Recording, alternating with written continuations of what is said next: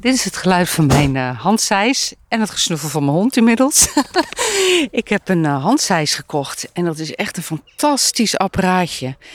Um, het gras is inmiddels tot kniehoogte de lucht ingeschoten en de hele kleine aanplant die wordt een beetje overwoekerd door het gras.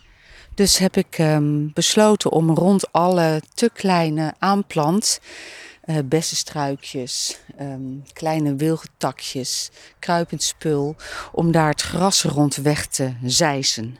Ik maak een spiegel daar rond en daar strooi ik dan wat um, houtsnippers, die we zelf ook versnipperd hebben met onze hakselaar. En um, dan komt daar het gras niet meer zo hoog op, zodat die uh, nieuwe aanplant ook wat licht en zonlicht krijgt om uh, de lucht erin te schieten. En dan straks is het gras niet meer sterker dan de plant. En kan het gewoon lekker de lucht in groeien. Maar een nieuwe handseis dus. Een fantastisch apparaatje, loeischerp. Dus eerlijk is eerlijk, ik heb, ik heb aan mijn linkerhand een handschoen waar je minder makkelijk of eigenlijk helemaal niet, nou het zal best wel kunnen, maar minder makkelijk met een mes doorheen gaat. Want zeis je een beetje de verkeerde richting uit en je hand zit in de weg, dan ligt hij er zomaar af. Of in ieder geval ligt er een heel groot stuk van je arm open.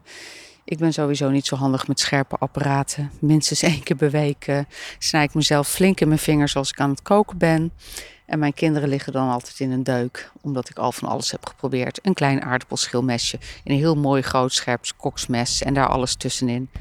Maar het helpt niet. Maar goed, deze seis is echt fantastisch. En ik hoop dat het geluid goed is opgenomen. Want het is echt een prachtig geluid. Een zeis die zo door het gras heen zeist. Um, ik hoor op de achtergrond de trein langskomen. Ik weet niet of dat al eens een keertje is opgenomen. Kijk, dit is het geluid van de trein. Ja, nou, ik vind het altijd zo gezellig, zo'n trein die door het landschap heen schiet.